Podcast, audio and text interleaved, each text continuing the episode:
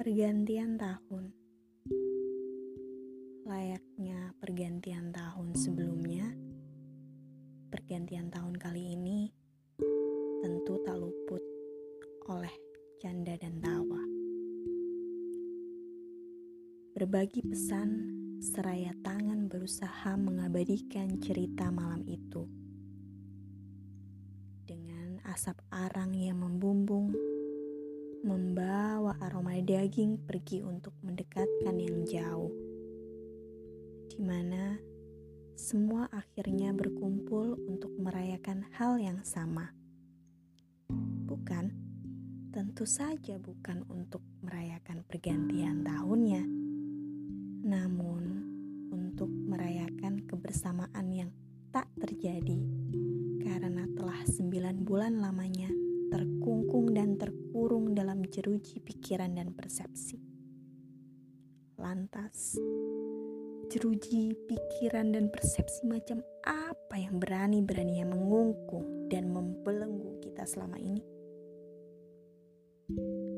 Jeruji itu disebut rasa takut. Rasa takut akan rasa takut untuk terpapar dan memaparkan. Saat perayaan sih, semuanya seakan terlupakan. Semuanya seakan hilang dan sirna dalam larutan gelap malam dan iringan rintik air yang jatuh secara perlahan. Hingga pada masanya, kala rasa kecewa marah namun lega, dan tangis tak dapat terbendung lagi. Semua yang terjadi di depan mata datang dengan segala persepsi dan perspektifnya masing-masing. Kita sebagai manusia hanya perlu memilih salah satunya dan menjalani itu tanpa tahu betul konsekuensi yang ada di depan